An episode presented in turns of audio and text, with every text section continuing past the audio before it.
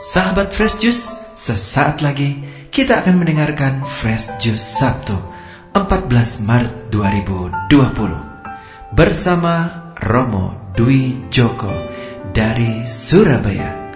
Selamat mendengarkan.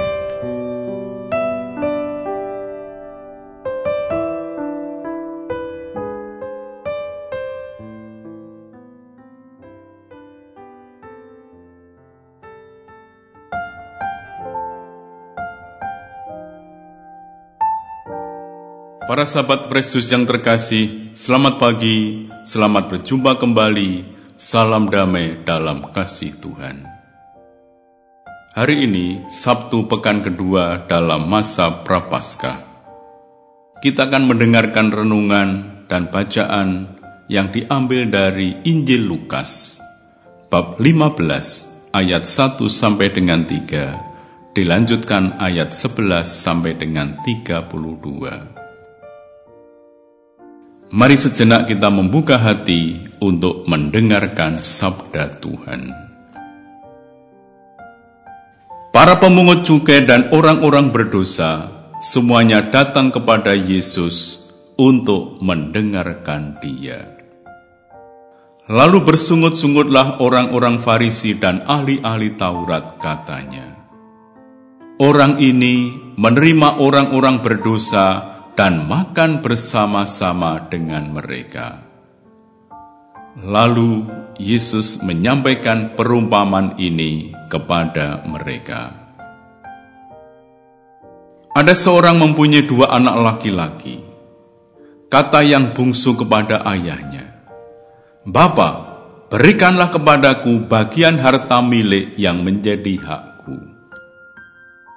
Lalu ayahnya membagi-bagikan harta kekayaan itu di antara mereka. Beberapa hari kemudian, anak bungsu itu menjual seluruh bagiannya itu, lalu pergi ke negeri yang jauh. Di sana ia memboroskan harta miliknya itu dengan hidup berfoya-foya. Setelah dihabiskannya semuanya, timbullah bencana kelaparan di dalam negeri itu, dan ia pun mulai melarat. Lalu ia pergi dan bekerja pada seorang warga negeri itu. Orang itu menyuruhnya ke ladang untuk menjaga babinya. Lalu ia ingin mengisi perutnya dengan ampas yang menjadi makanan babi itu, tetapi tidak seorang pun yang memberikan sesuatu kepadanya. Lalu ia menyadari keadaannya, katanya, Betapa banyaknya orang upahan Bapakku yang berlimpah-limpah makanannya, tetapi aku di sini mati kelaparan.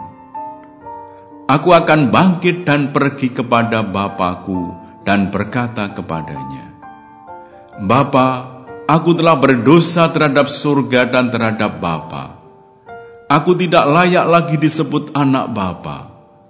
Jadikanlah aku sebagai salah seorang upahan Bapa. Lalu bangkitlah ia dan pergi kepada bapaknya. Ketika ia masih jauh, ayahnya telah melihatnya, lalu tergeraklah hatinya oleh belas kasihan. Ayahnya berlari mendapatkan dia, lalu merangkul dan mencium dia. Kata anak itu kepadanya, Bapa, aku telah berdosa terhadap surga dan terhadap Bapa. Aku tidak layak lagi disebut anak Bapa. Tetapi ayah itu berkata kepada hamba-hambanya, Lekaslah bawa kemari jubah yang terbaik, pakaikanlah itu kepadanya, dan kenakanlah cincin pada jarinya dan sepatu pada kakinya Ambillah anak lembu yang gemuk itu, sembelilah, dan marilah kita makan dan bersuka cita. Sebab anakku ini telah mati dan menjadi hidup kembali. Ia telah hilang dan didapat kembali. Lalu mulailah mereka bersukaria. Tetapi anaknya yang sulung berada di ladang, dan ketika ia pulang dan dekat ke rumah, ia mendengar suara musik dan nyanyian tari-tarian. Lalu ia memanggil salah seorang hamba dan bertanya kepadanya, "Apa arti semuanya itu?" Jawab hamba itu, "Adikmu telah kembali dan ayahmu telah menyembelih anak lembu yang gemuk, karena ia mendapatkannya kembali dalam keadaan sehat." Anak sulung itu marah, ia tidak mau masuk. Lalu ayahnya keluar dan membujuknya. Tetapi ia menjawab ayahnya, Lihatlah, telah bertahun-tahun aku melayani Bapa dan belum pernah aku melanggar perintah Bapa. Tetapi kepadaku belum pernah Bapa memberikan seekor anak kambing untuk bersuka cita dengan sahabat-sahabatku. Tetapi baru saja datang anak Bapa yang telah memboroskan harta kekayaan Bapa bersama dengan pelacur-pelacur. Maka Bapa menyembelih anak lembu yang gemuk itu untuk dia. Kata ayahnya kepadanya, Anakku, engkau selalu bersama-sama dengan aku, dan segala milikku adalah milikmu. Kita patut bersuka cita dan bergembira, karena adikmu telah mati, dan menjadi hidup kembali. Ia telah hilang dan didapat kembali. Demikianlah Injil Tuhan. Para sahabat yang terkasih, perumpamaan ini menampilkan belas kasih sang ayah sebagai simbol belas kasih Allah. Dia yang berbelas kasih mengampuni orang yang berdosa tanpa mempersoalkan seberapa besar dan beratnya dosa yang telah dilakukannya. Sebelum orang berdosa itu mengakui kesalahannya, belas kasih Allah sudah menantikannya dan menjemputnya. Dia menerima kembali dan memperlakukan orang berdosa yang bertobat bukan sebagai orang upahan, melainkan sebagai anak tercinta, melebihi harapan orang yang bertobat itu. Kisah ini dimulai dengan anak bungsu yang kurang ajar, tidak tahu adat karena berani minta jatah warisan ketika ayahnya masih sehat dan kuat. Ia kemudian pergi memutuskan relasi dengan bapaknya. Ia tidak tahu moral karena hidupnya berfoya-foya dengan harta itu di tempat perantauan. Ia tidak tahu harga diri karena setelah jatuh miskin dan melarat, ia merusak citra dan harga dirinya dengan menjadi budak dan bekerja dengan babi pula, sesuatu yang najis bagi orang Yahudi. Inilah tahap kegelapan dan kesuraman dalam hidupnya. Bencana kelaparan menjadi titik balik baginya untuk merefleksikan diri. Situasi ini menyadarkan dia untuk bangkit dari jurang kekelaman, dan ia berseru kepada Tuhan sebagaimana diungkapkan dalam Mazmur 130 ayat 1. Dari jurang yang dalam aku berseru kepadamu ya Tuhan. Kesalahan dan dosanya tidak hanya kepada ayahnya sendiri, tetapi juga kepada Bapa di surga. Inilah detik-detik pembaruan hidup itu terjadi, yakni ketika ia berpikir untuk kembali dan menyiapkan kata-kata pengakuan dan pertobatannya di hadapan sang ayah. Dengan bekal keberanian dan sikap rendah hati, ia pun kembali ke rumah bapaknya. Ketika ia tiba di rumah bapaknya, ia mendapati dua reaksi. Pertama, reaksi ayahnya, dan kedua, reaksi kakak sulungnya. Si ayah yang penuh kasih tidak menantikan kedatangannya secara pasif. Ia berlari keluar menjemputnya. Si ayah langsung bisa melihat aura perubahan dari si anak bungsu yang kini sudah kembali. Aura pertobatan yang dilihatnya itulah yang mendorong sang ayah itu untuk melupakan begitu saja masa silamnya dan kini siap menyongsong masa depan yang baru dan lebih cerah. Pancaran aura perubahan itu sedemikian kuatnya sehingga sang ayah itu pun tidak mau lagi merepotkan diri dengan memandang ke masa silam, melainkan lebih memfokuskan diri ke masa depan. Itulah sebabnya ia memberikan sesuatu yang terbaik bagi anaknya ini dalam rangka menyongsong masa depan yang baru yang ditandai dengan sebuah pesta perjamuan. Sebaliknya, reaksi kakak sangat lain. Ia tetap melihat sosok adiknya sebagai anak durhaka. Si kakak tidak mampu melihat adanya perubahan itu.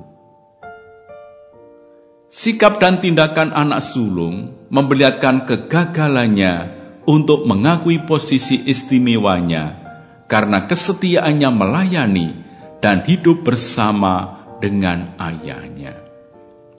Dia juga buta terhadap fakta bahwa ayahnya memberi perhatian yang tetap sama seperti kepada adiknya. Sang ayah juga keluar untuk menemui dan menghiburnya sama seperti menyambut adiknya. Anak sulung yang mempertanyakan, kenapa dia yang rajin bekerja dan setia tidak diberi kado oleh ayahnya, sementara adiknya yang rusak moralnya malah diistimewakan? Si sulung sebenarnya tidak pernah mengasihi ayahnya dia pun juga mengalami kesepian. Dia berlagak teladan, berlaku oke secara lahiriah, tetapi jiwanya penuh kebencian dan iri hati. Ia malah tidak mau mengakui adiknya lagi. Padahal, buat apa manusia di dunia ini? Bukankah supaya menjadi saudara? saling mengasihi, dan dengan demikian menjadi anak-anak Bapa. Si anak sulung menutup diri terhadap undangan Bapa untuk masuk ke dalam perjamuan pesta, untuk bersama-sama merayakan kehidupan dan bergembira bersama atas keselamatan adiknya. Anak sulung ini mewakili orang Yahudi yang menganggap dirinya benar di hadapan Allah, loyal pada hukum, dan setia menjalankan aturan keagamaan. Mereka merasa tidak perlu bertobat, namun di lain pihak mereka cemburu dan marah melihat orang-orang berdosa masuk dalam perjamuan keselamatan kerajaan Allah bersama Yesus rahmat dan belas kasih Allah bagi orang berdosa tidak menjadi berita yang menggembirakan mereka karena mereka merasa diri berhak atas imbalan yang lebih besar dibandingkan dengan orang lain. Anak bungsu yang tampak jahat, tetapi justru dialah yang bertobat, mengaku bapaknya. Dia mengungkapkan penyesalan dan pertobatan sejati. Dalam pertobatan sejati termuat beberapa unsur mendasar. Penyesalan, ungkapan tobat, dan melakukan silih atas dosa. Unsur-unsur itu dihayati dengan baik oleh anak bungsu. Setelah berbuat salah dan dosa, ia menyesali perbuatannya, mengungkapkan kata-kata tobat, dan melakukan silih dengan menjadikan dirinya sebagai salah seorang upahan. Anak bungsu mewakili orang-orang berdosa dan para pemungut cukai yang tidak taat dan setia pada Allah dan merasa diri terbuang dari lingkungan sosial religius mereka. Namun, merekalah yang justru terbuka untuk menerima tawaran keselamatan Allah. Keterbukaan itu merupakan prasyarat bagi pertobatan dan rekonsiliasi dengan Allah, di mana mereka mengalami kegembiraan dan kehidupan baru yang dilambangkan dengan pesta besar di rumah Bapa. Ini menjadi contoh nyata gerakan pertobatan batin yang indah untuk kembali mendapatkan kelimpahan cinta kasih di hati Bapa kesadaran si anak akan rahmat dalam wujud harta warisan pemberian sang bapa yang telah disalahgunakan membuat hatinya tergerak untuk menciptakan niat untuk datang meminta ampun sekaligus keberanian untuk menerima hukuman dari sang bapa atas dosa dan kesalahan yang telah dilakukan. Para sahabat, masa Prapaskah merupakan masa pertobatan. Menjadi kesempatan untuk mengembalikan semua nilai kerajaan Allah yang telah hilang dalam diri kita akibat keegoan, kesombongan, dan keangkuhan. Baiklah, di masa ini kita berbalik dari hati yang sombong menjadi rendah hati dari yang tidak adil menjadi jujur, dari yang berdosa kepada yang suci dan kudus, serta dari yang tegar dan keras menjadi lembut. Di masa yang penuh rahmat ini, kita diundang untuk selalu merindukan kelimpahan rahmat di hati Bapa di surga, dengan mengulangi kembali kata-kata si anak bungsu Aku akan pergi kepada Bapa dan mengatakan kepadanya, Bapa, aku telah berdosa terhadap Bapa. Aku tidak layak lagi disebut anak Bapa. Marilah kita datang dan mengatakan kata-kata penyesalan itu dari hati kita terdalam di kamar pengakuan. Maka kita pun akan merasakan pelukan Bapa yang hangat, mendengar kata-kata lembutnya, serta melihat senyum kebahagiaan di wajah Sang Bapa di dalam hati kita. Tuhan bersamamu.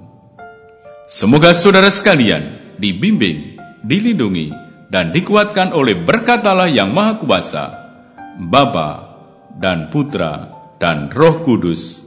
Amin. Sahabat Fresh Juice, kita baru saja mendengarkan Fresh Juice Sabtu, 14 Maret 2020. Segenap tim Fresh Juice mengucapkan terima kasih kepada Romo Dwi Joko untuk renungannya pada hari ini. Sampai berjumpa kembali dalam Fresh Juice edisi selanjutnya. Salam Fresh Juice.